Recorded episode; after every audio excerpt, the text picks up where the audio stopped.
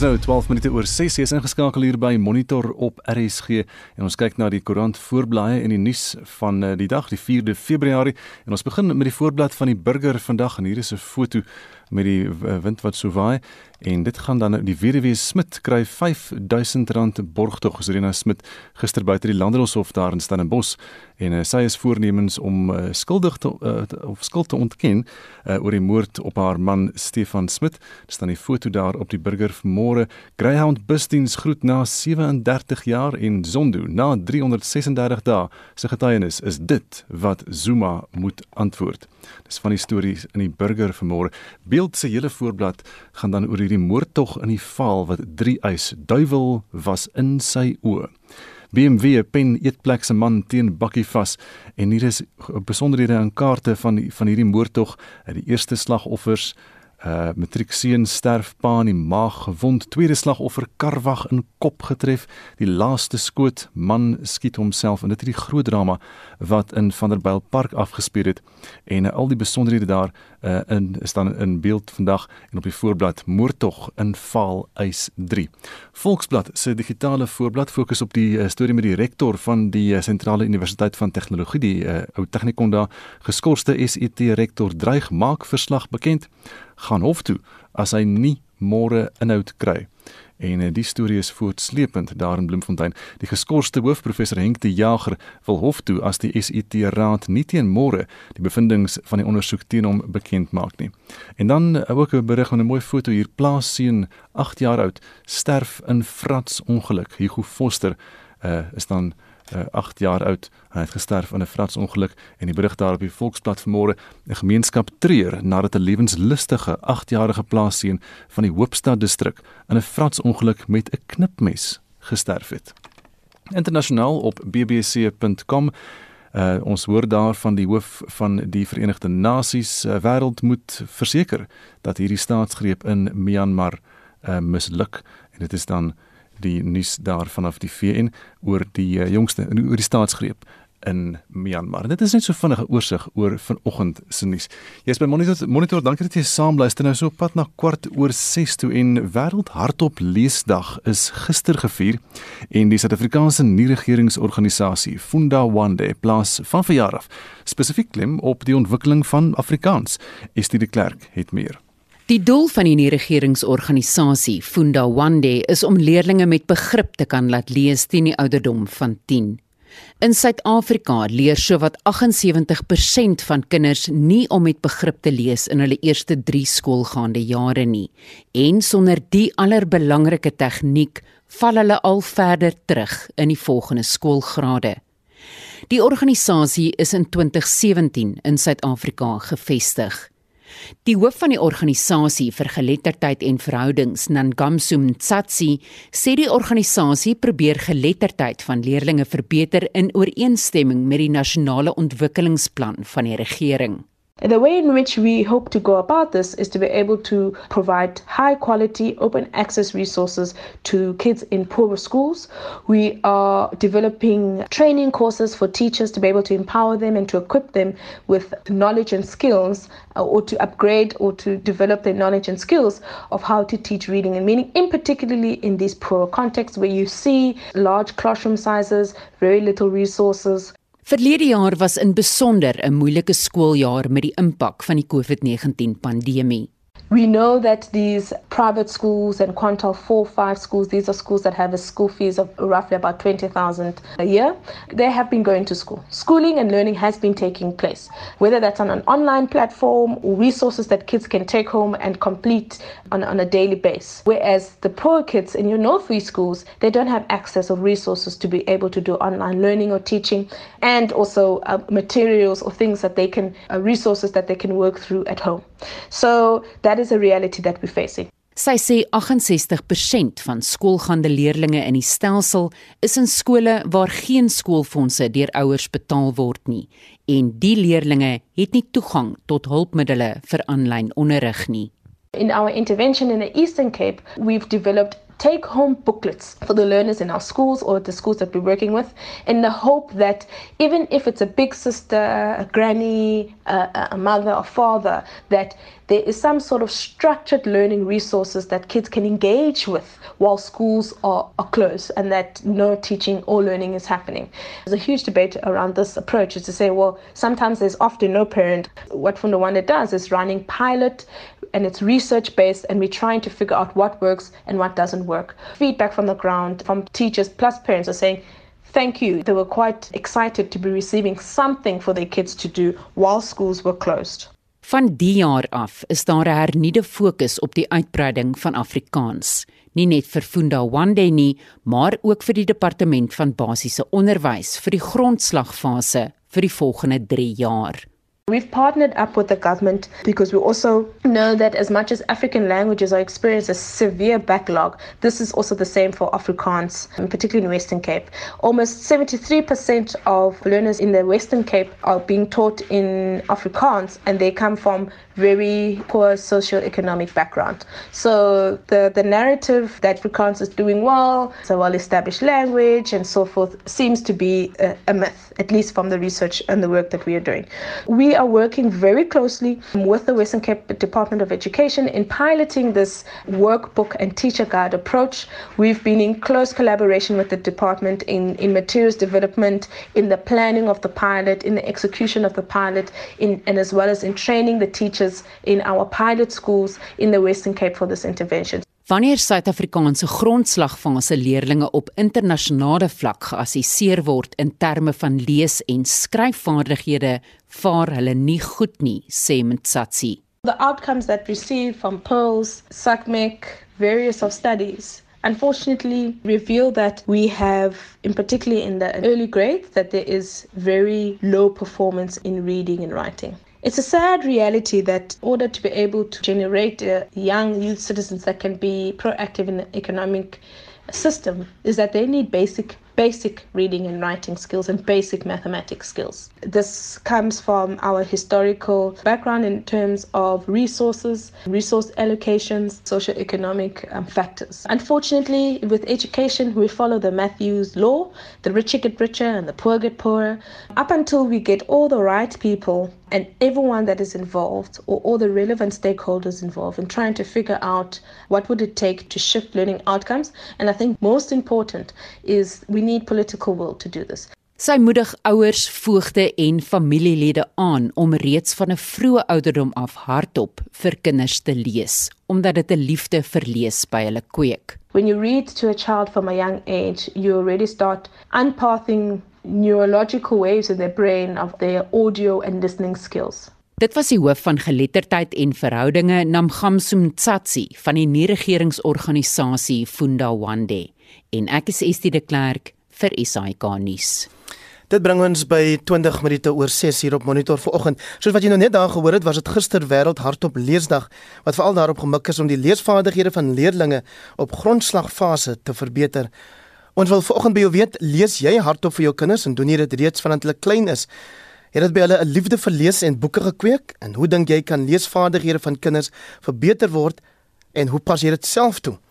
Dan kan jy ook kommentaar lewer op die feit dat die busagentskappe Greyhound en Cityliner op 14 Februarie sluit. Reisigers wat reeds kaartjies vir die tydperke daarna gekoop het, sal vergoed word, het die maatskappye gesê.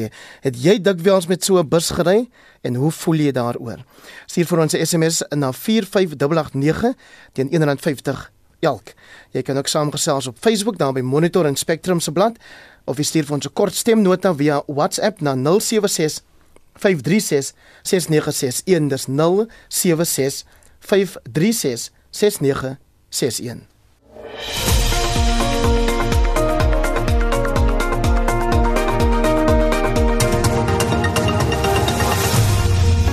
25 oor 6 en dankie dat jy saamluister na Monitor die reguleringsowerheid vir gesondheidsprodukte SAPRA sê hy het reeds 10 aansoeke verwerk vir die gebruik van die teenparasitiese middel Ivermectin vir die behandeling van COVID-19 pasiënte.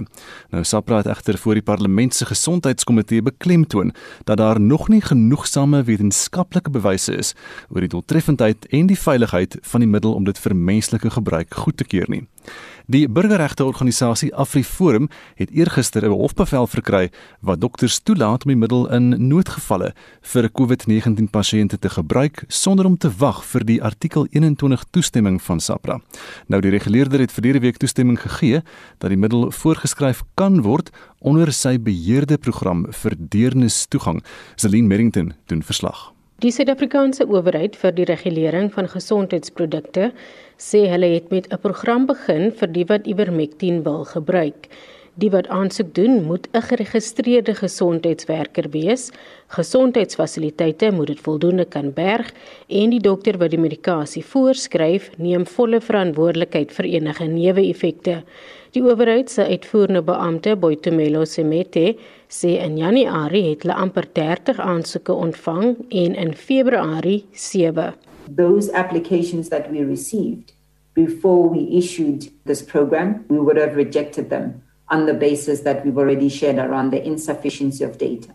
Since we have then instituted this program, we're sitting with just about 10 and we've already processed those 10 And of those 10, we've authorized those who are for named patient and we didn't have to go back and ask for more information. Die voorsitter van die owerheid raad, Helen Rees, sê hulle hou enige verwikkelinge rondom Ivermectin fyn dop. Everyone, every clinician, every researcher would say this has to be an ongoing project. It's incredibly important. And we are very sympathetic to people who are saying that they are desperate and they're looking for possible solutions to enhance what's available. Unfortunately, what we cannot say at the moment is that ivermectin saves lives. We don't have enough data to say, yes, it works, or no, it doesn't work. And then we would need to be also able to say to you, what is the dose? How frequently do you give it? And so on. Die voorsitter van die parlementse gesondheidskomitee, Dumo Dlomo, het gepleit vir redelikheid as dit kom by die medikasie. There's no unanimity amongst doctors, but the body that represents them in the country is saying the stance and the approach taken by SAPRA, they are actually in full support. I think we need to agree to be conscious in that and assist because whatever happens, they would be responsible for the safety of our citizens. Dit was die voorsitter van die parlementse gesondheidskomitees, Dumo Dlomo, Zelin Merrington, parlement. En Estian teer vir ons vanoggend die terugvoer oor ons luisteraars vraag wat handel oor wêreld hardop leesdag wat gister gehou is. Môre Estie. Môre Heinrich en Renay skool sê hardop lees vir kinders is beslis 'n groot vereiste. Selfs kinders wat sukkel moet hardop lees. Dit help hulle baie met hulle taal en gee hulle selfvertroue. En Arina Olivier laat weet vir ons, ek lees vir my kind en sy woordeskat is uitsonderlik vir 'n 6-jarige. En oor die busdienste wat sluit sê Jack Waterboer, ek is baie hartseer oor hierdie busagentskap wat hulle deure moet sluit en ja, ek het gereeld gereis met Greyhound en Cityliner tussen Stellenbosch en Kaapstad. Ek het altyd baie veilig gevoel om saam met hulle te reis. Soos wat Heinrich nou genoem het, gister was wêreld hardop leesdag wat veral gemik is daarop om leesvaardighede van leerders op grondslagfase te verbeter en ons wil vanoggend by jou weet, lees jy voor vir jou kinders en het dit by hulle 'n liefde vir lees en boeke gekweek. En dan kan jy ook kommentaar lewer op die feit dat die busagentskappe Greyhound en Cityliner op 14 Februarie hulle deure sluit. Stuur vir ons 'n SMS by 4588910 R50 per SMS. Gesels saam op ons Facebookblad by facebook.com vorentoe skynstreep ZARSG of WhatsApp vir ons stemnota na 076 536 6961. Ek is net so voor 7 weer terug met nog van jou terugvoer. Shaun Jooste het van dag se sporthoogtepunte. Ons begin die verslag met cricketnuus. Die tweede en laaste toets van die reeks tussen Pakistan en Suid-Afrika begin binnekort in Rawalpindi.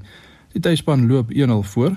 Die Proteas sal graag 'n reeks nederlaag wil vermy terwyl Pakistan hulle eerste toetsreeks teen Suid-Afrika in 17 jaar wil wen. Bangladesh het dag 2 van die eerste toets teen Wes-Indiese eilande vanoggend op 242 vir 5 in hulle eerste beurt begin. Ons vroue Protea span het gister se derde en laaste wedstryd van hulle T20 reeks in Durban teen Pakistan met 8 lopies deur die Duckworth Lewis metode verloor, maar steeds die reeks met 2-1 ingepalm. In die plaaslike Momentum eendagreeks pak die Dolphins en Lions mekaar later vanoggend in die eindstryd op Senwes Park in Potchefstroom. Die Dolphins is die verdedigende kampioene. Sokker. Mamelodi Sundowns het gister se eerste ronde wedstryd van die Nedbank beker toernooi teen Stellenbosch FC met 3-2 gewen. Chikuma draf vanmiddag 5uur ook in die eerste ronde teen SuperSport United op die veld uit. Die besoekers het al 5 gisteraand se Engelse Premierliga wedstryde gewen. Die tellings was 3-1 vir West Ham United teen Aston Villa, 2-0 vir Manchester City teen Burnley en Leicester City teen Fulham, 2-1 vir Everton teen Leeds United en dan is Liverpool met 1-0 deur Brighton and Hove Albion geskok. Tottenham Hotspur en Chelsea sê mekaar vanaand 10:00 die stryd aan. In die halfeindstryde van die Afrika Nasies Kampioenskappe het Mali 5-4 in na-uitskedule teen Genee geseëvier en Marokko het Kameroen met 4-0 afgedraf.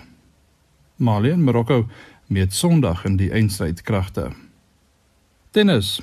Suid-Afrika se Kevin Anderson het sy tweede ronde wedstryd by die Great Ocean Road toernooi in Melbourne gister met 6-4 en 6-2 teen die Duitser Cedric Marcel Stebe gewen en stap vandag in die derde ronde teen die Rus Karen Khachanov op die baan uit. Op dag 2 van die ATP spanbeker toernooi in Melbourne was die tellings 2-1 vir Italië teen Frankryk, Duitsland teen Kanada, Australië teen Griekeland en Rusland teen Japan. Die voorlopers in groepe A tot D is nou Servië, Australië, Italië en Rusland. En Italië en Rusland het na die volgende ronde deurgedring. Rugby. Wêreldrugby het gister aangekondig dat vanjaar se onder 20 wêreldkampioenskappe weens die koronaviruspandemie gekanselleer is. Die toernooi sou in Junie en Julie in Italië plaasvind. Verlede jaar se toernooi was ook weens die pandemie gekanselleer. Laastens op die golfbaan slaan die Phoenix Ope vanmiddag na 4 in Scottsdale, Arizona af. Die veld van 132 bevat 5 van die wêreld se top 10 spelers en sluit ook vier Suid-Afrikaners, Louis Oosthuizen, Erik van Rooyen, Dylan Fratelli en Charles Schwartzelen. Die Amerikaner Webb Simpson was die wenner in 2020. Die Saudi internasionale toernooi het kort na 6 begin. Die lys van 138 bevat groot eisters soos Dustin Johnson, Bryson DeChambeau en Patrick Reed van Amerika. Terwyl Hutton en Paul Casey van Engeland is ook op die lys en daar is ook 13 Suid-Afrikaners wat Christian Besaidnout, George Coetzee, Justin Harding, Wilco Ninaber en Brandon Stone insluit. Graham McDowell van Noord-Ierland is die verdedigende kampioen. Shaun Schuster, SAK Sport. Dis nou 23 minute voor 7 en nog 'n vermeende hoëprofiel lid van die Kaapse onderwêreld is vroeër hierdie week koelbloedig doodgeskiet. Om ons te help verstaan wat tot hierdie soort van aanvalle aanleiding gee, verwelkom ons nou die polisiekundige advokaat Lenet Max, afgetrede polisiegeneraal en 'n voormalige Wes-Kaapse kommissaris ook. Lenet, goeiemôre. Goeiemôre. So William of Red Stevens was op parol gewees saam met 'n ander lid van die Kaapse onderwêreld, Donkie Boysen. Wat dink jy sit agter hierdie skietdood? Ja, Gustav, dis is so eenvoudig nie. Daar is verskillende redes ehm um, uh, waarom hulle hom nou soos hulle sal sê uitgehaal het. Uh dit kan wees dat hy 'n bedreiging is vir die oppositie en dit kan en dat dit ook 'n weer weer waar aanval mag wees uh andersins kan dit ook wees dat hy soos hulle sê swak skakel in uh, in 'n verband met 'n sekere aangeleentheid mag wees. Jy weet en en en, en hy word gesien as 'n gevaar vir iets wat moontlik kan plaasvind en ehm um, hy kan ook dan uitgehaal word. Dit is nie noodwendig dat hy dan uh geskiet was deur die oppositie nie. Hy kan ook geskiet gewees het deur mense binne eie gelede. Hmm. Is dit is dit 'n nuwe tendens waarmee ons hier te doen het want daar was voorheen ook nog die dood gewees van uh, Ernie Lastig Solomons voor dit nog onthou ons vir Rashid Staghi? Nee, dis nie 'n nuwe tendens nie. Uh dit is 'n tendens uh, binne in bende geleedere. Uh elke keer word daar ge, ge, sekere leiers geteken binne in 'n bepaalde gebied uh van die oppositie uh om dit gaan ook daaroor oor hulle sê hulle terrein wat uh van afset uh van dwelms en en as jy ook al mag sien gelees het uh, so 'n paar weke gelede was daar ook op Jerome Boysen uh met die hmm. alias Donkey uh 'n paar keer uh, was daar um aanvalle op hom op pogings om hom uh, dood te skiet Uh en dit het nie geslaag nie. Uh onlangs was dit gewees in 'n begrafplaas uh hier by Belhar uh, waar daar ook 'n poging was om hom uh, te uh, te vermoor uh, wat ons suksesvol was. So van tyd tot tyd gebeur hierdie tipe van aanvalle en uh, en dit gaan nie nuwe tendensie dit is 'n tendens binne in die gemeenskap. Ek wil net sê jy weet om hierdie tipe misdaad te ondersoek is is, is baie moeilik. Omrede as die polisie nie konkrete bewyse het waarop hulle nie getuie op getuies uh, staat maak uh, wat moet kom getuig wie wat wolkie in die howe nie uh, maar wel uh, onweerlegbare uh, getuienis soos forensies en videomateriaal uh, dan uh, val die saak deur die mat omdat mense uh, vrees vir hulle lewe nie uh, bereid is om te kom getuig nie want ons het baie gelees en ook ervaar dat uh, getuies uh, jy weet vermoor word hulle word geïntimideer as jy nie by die getuie uitkom nie word die getuies se families geïntimideer of vermoor. Uh in sekere gevalle is daar sake wat wel voorkom uh en en afgehandel word wanneer hulle dan ook uh mense in eie geleedere, bendes in eie geleedere sover kry om teen die leiers as wel uh, te getuig. As hulle hierdie mense nou so uithaal soos wat jy sê, wat is die uitwerking daarvan op die dinamika binne daai bendes op, op die vlakte? Ja, dit is 'n uh, tipe van 'n weerwraak wat plaasvind. Ons het reeds gesien op sosiale media dat daar wel ehm um, soos hulle sê uh, weer wraak aanvalle was. En ongelukkig in die proses is dit so dat uh, onskuldiges uh, wel die weet uh, in baie gevalle uh, die slagoffers van hierdie tipe van wilde skietery is. Ehm um, op die uh, in sosiale media sê jy gereeld sien hoe jong die die uh, oortreders is, die bendelede. As my as kinders van 17, uh, jy weet 15, 17, 20 Ehm um, alles baie jonk en hulle het geen ander rolmodelle binne hulle gemeenskappe nie. En uh, gevolglik is dit so dat hulle hierdie tipe van uh, beeld nastreef en en bendes in hulle gemeenskappe word ook dan hulle rolmodelle. En, en en daarom sit jy met hierdie tipe van probleem wat nie slegs deur polisieering uh, uh uitgeroei kan word nie. Ek sien ook aan die in die media dat die minister van polisie Bekkie Cele was gister in hierdie gebiede en hy beloof versterkings. Nou versterkings is net 'n tydelike onderdrukking van die probleem. Uh, die probleem is baie groter as dit en in behoort in 'n kollektiewe benadering aangespreek te word. Jy verwys na die polisieering die uh, teenbende eenheid van die polisie daar in die Wes-Kaap is gedurende jou termyn as provinsiale kommissaris begin. Uh, wat is daai eenheid se suksesse en mislukkings en is hy nog so goed soos hy was onder jou? uh nie noodwendig onder my begin nie. Uh die bende eenheid uh, toe ek die minister se adviseur word in 2018 het ons die gebiede besoek waar hulle die operasie stande gehad het. En uh die uitleg van daardie uh, aspek wat ek gesien het hier is fout uh, tekortkominge binne in hierdie stelsel. Hy mag miskien suksesvol wees vir 'n paar weke, uh maar dan dan beplan bendes om rondom daardie operasie te werk en ek het toe die voorstel gemaak aan die minister uh, van 'n teenbende eenheid waarvan ek dus 'n uh, konsep geskryf het en hierdie teenbende eenheid um, is dan toe in die lewe geroep. Uh, daar was heel veel suksesse uh, uh, ten opsigte van die arrestasies en uh, onder andere Kenie was deel van daardie bende eenheid. 'n Teenbende eenheid en uh, so dieself uh, kon gewaargeneem het dat hy besig was met 'n groot ondersoek omdat hierdie aktiwiteite gekoördineer was uh, en meer gefokus was.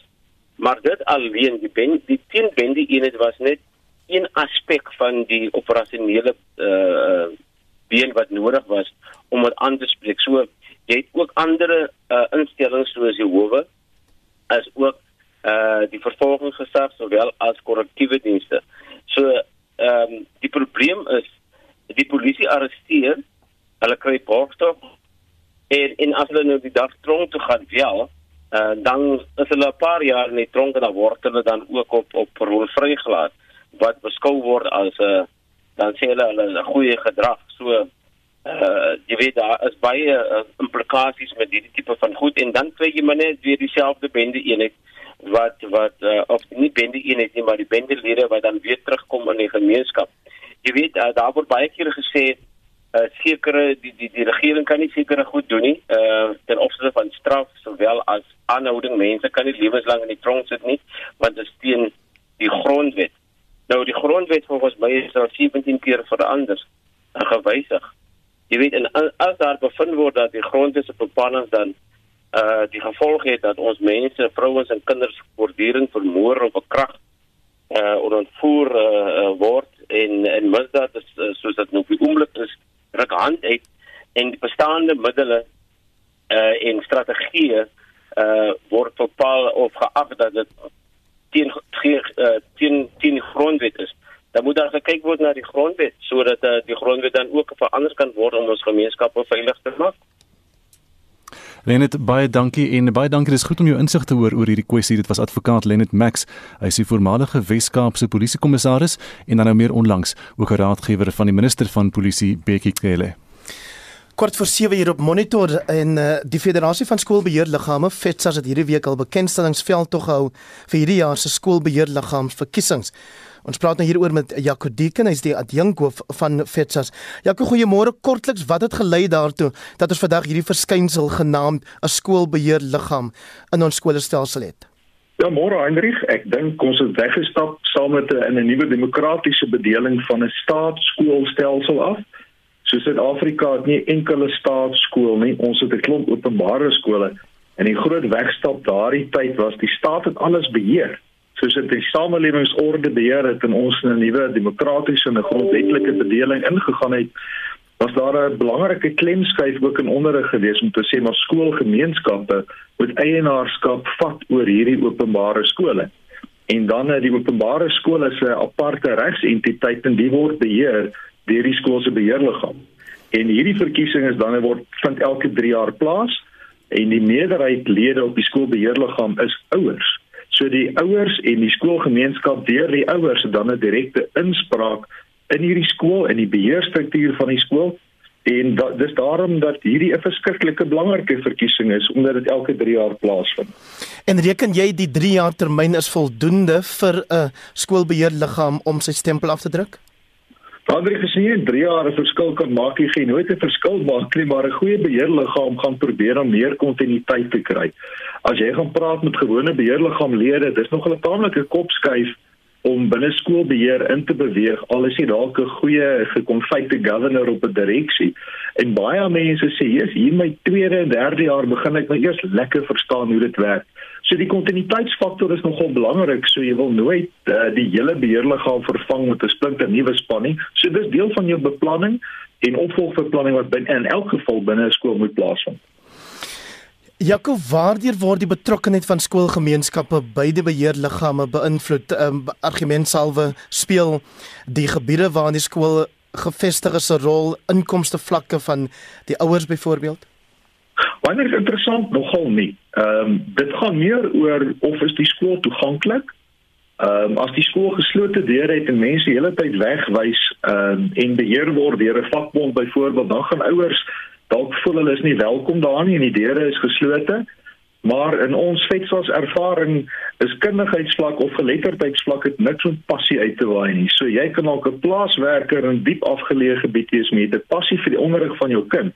En dan kan jy ware beheerliggaam net so verskil maak soos 'n hoogsgeleerde mens in 'n stedelike gebied.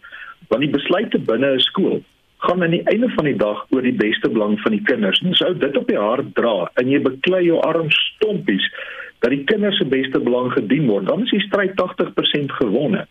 Ehm um, nou skole, dis kern belangrik ook as 'n beheerliggaam verkies is dat die beheerliggaam deel word van opleiding dat dit toegerus word want daar's 'n magdom wette en regulasies en beleide wat van toepassing is op skole waarvan beheerliggame moet kennis neem want binne daardie raamwerk moet hulle dan nou weer beleide opstel om 'n omgewing te skep waar binne die skool se bestuur en personeel optimaal kan funksioneer. Hoe gemaak met die ruimte wat mag bestaan vir magsmisbruik deur 'n SBL? Daardie risiko is altyd daar en daarom is hierdie aanloop tot die verkiesing so belangrik dat ons mense moet kry wat nie hulle eie belange gaan dien nie. Mense wat regtig die belang van die gemeenskap en die skool op die hart gaan hê en dit dan in die skool gaan inbring. So die oomblik wat ek 'n uh, eh, persoonlike agenda wil dryf binne die skool, dan moet ek verseker nie as 'n kandidaat staan nie. Die skolewet sê die oomblik wat ek verkies word, dan staan ek in 'n vertrouensverhouding teenoor die skool Wat in eenvoudige terme beteken ek moet ten beste belang van daardie skool optree en natuurlik dan uit die leerders van daardie skool. En dan is daar meganismes wat die skolewet skep en ook die gedragskode van die beheerliggaam wat dan gebruik moet word indien iemand dan nou sy die magte sou misbruik. En baie belangrik, weer eens 'n swak opgeleide beheerliggaam gaan hierdie basiese foute maak of 'n beheerliggaam wat nie opgelei is nie.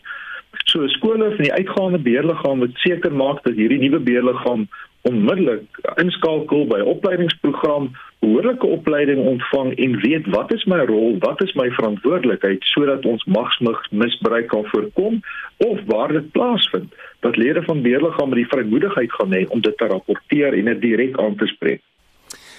Jaco, 'n laaste vraag, voltooi asseblief die volgende sin: 'n uh, SBL wat goed en suksesvol funksioneer verseker wat? Kwaliteit onderrig vir elke kind in die skool en dit gaan van Suid-Afrika 'n beter plek maak. Baie dankie vir jou insigte vanoggend. Jaco Deken is die adjunkhoof van FETSAS, oftewel die Federasie van Skoolbeheerliggame van Suid-Afrika. Dis nou so 9 minute voor 7 en ons bly by die storie en praat nou met Dani van Wyk, Weskaapse bestuurder van die Suid-Afrikaanse Onderwysontwikkelingstrust en hy is ook voorsitter van die DAK netwerk, 'n burgerlike organisasie. Dani, goeiemôre. Goeiemôre Gustaf, goeiemôre luisteraars. Hoe beskryf jy die belangrikheid van skoolbeheerliggame? Uh Gustaf, ek dink skoolgemeenskappe waarin die skole geleë is, moet besef dat hulle het 'n baie groot rol te speel in die uiteindelike sukses van daardie skool in daai betrokke skoolgemeenskap. Betrokkenheid van die kant van ouers, van die kant van pleegouers sal uiteindelik bepaal hoe sukses suk uh, hoe suksesvol en hoe funksioneel daardie betrokke skoolbeheerliggaam gaan wees. Ons moedig dus mense aan om hulle as kandidate uh, beskikbaar te stel en op hierdie wyse 'n verskil te maak in die werksaamhede daar by hul skool en ook om te sorg dat daar kwaliteit onderrig by daai betrokke skole waar hulle geleë is plaasvind uh, Gustaf. En in die skole waar jy nou meestal werk, word daardie belangrikheid besef. Ja, dit word besef ek kan noem dat aanvanklik, uh, heel aanvanklik uh, was dit nie altyd so goed nie, want daar was verskeie faktore wat 'n rol gespeel het tot dit. Uh, ek dink die wyse waarop uh, skoolbeheerliggaam vir verkiesings uh, aangebied was, uh, het veroorsaak dat ouers nie dit almal kon bywoon nie moontlik omdat hulle uh, belaat van die werk af gekom het en hierdie verkiesings gewoonlik in die aand by die skool plaasgevind. Nou dit het 'n effek gehad op die sukses van hierdie uh, verkiesings en het ons baie keer gevind dat daar uh, die verkiesings uitgestel moet word en soms is die persentasie um, uh, ouers wat opdaag baie laag is maar dat dit die afgelope aantal jare verbeter omdat uh, ons ingetree uh, het en deur middel van opleiding en inligtingstukke mense bewus gemaak het van die belangrikheid van hierdie verkiesing van die belangrikheid van betrokkenheid in hierdie verkiesing om uiteindelik dan te bepaal hoe die skoolbeheerliggaam hulle rol en hulle funksies gaan uitoefen om te verseker dat onderrig by daai betrokke skool waar hulle betrokke is gedei.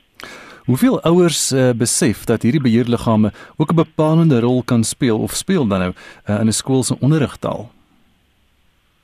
Ek dink uh, uh, kyk dis een van die die die onderrigtaal van 'n skool word bepaal deur die skoolbeheerliggaam en ek dink as ouers dit besef dan sal hulle uh, weet dat hulle bydra daar ook natuurlik aanleiding kan gee tot uitnemendheid by die skool om seker te maak dat die dat die uitslae by die skool verbeter of kan verbeter juis as gevolg van uh, die taal van onderrig wat by die skool aangebied word. Ek kan noem byvoorbeeld van skole waar ek weet waar daar uh, die die slegs die, die die verandering van is van 'n beleid ten opsigte van die aanbied van van uh die uh onderrigtaal by die skool gelei het tot die verbetering van die van die uitslae van daardie betrokke skool. So ouers moet bewus wees, skoolbeheerliggame moet bewus wees dat hulle kan verskil maak in die uiteindelike sukses van hulle skool deur middel van 'n bepaling of 'n beleid hoe onderrigtaal in die skool toegepas gaan word. En dan die organisasie waarvan jy ook die voorsitter is, hierdie dak netwerk beywer om onder meer vir Afrikaans, watse rol voorsien jy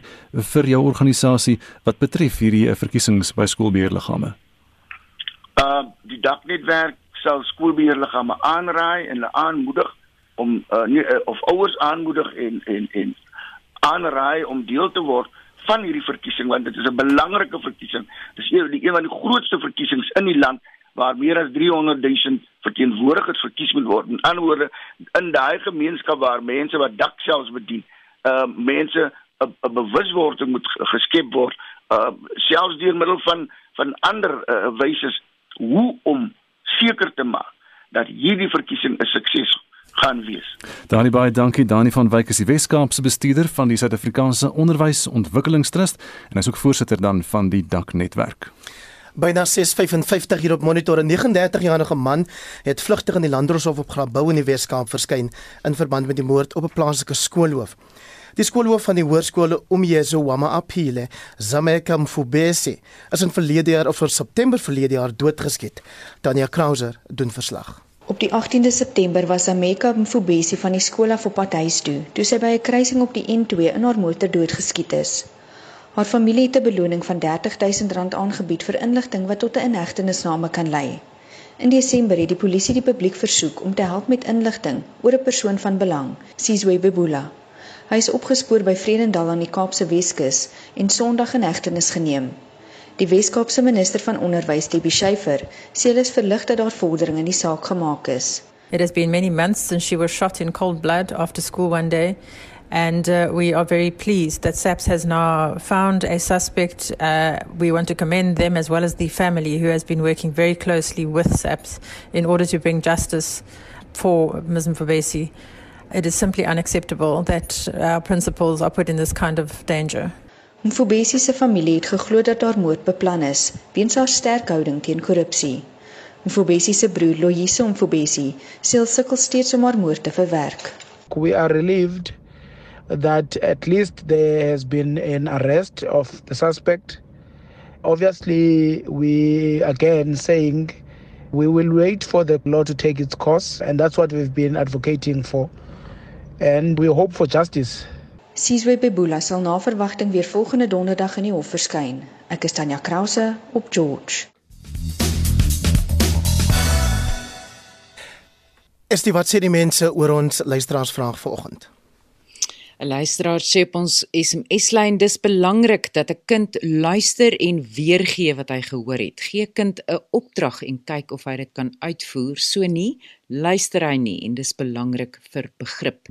En Christa van Brits skryf: "Ons het 4 kleinkinders en ek het gereeld vir hulle storieboeke gekoop en voorgeles. Dit lyk daarom of een van hulle 'n liefde vir lees aangeleer het. Ek koop steeds vir hom boeke en hy lees dit deesdae self." En Sonja van Belwel laat weet: "Ek het kinderboeke saam met baba klere gekoop en baie vroeg vir my baba begin hardop lees. Dit het haar beslis selfvertroue gegee om te lees en ook haar luistervaardighede verbeter. En oor die busdienste wat sluit sê Paris Stevens van Gouda My pa werk vir Greyhound en hy's baie hartseer oor wat gaan gebeur. Ek kry hom so jammer.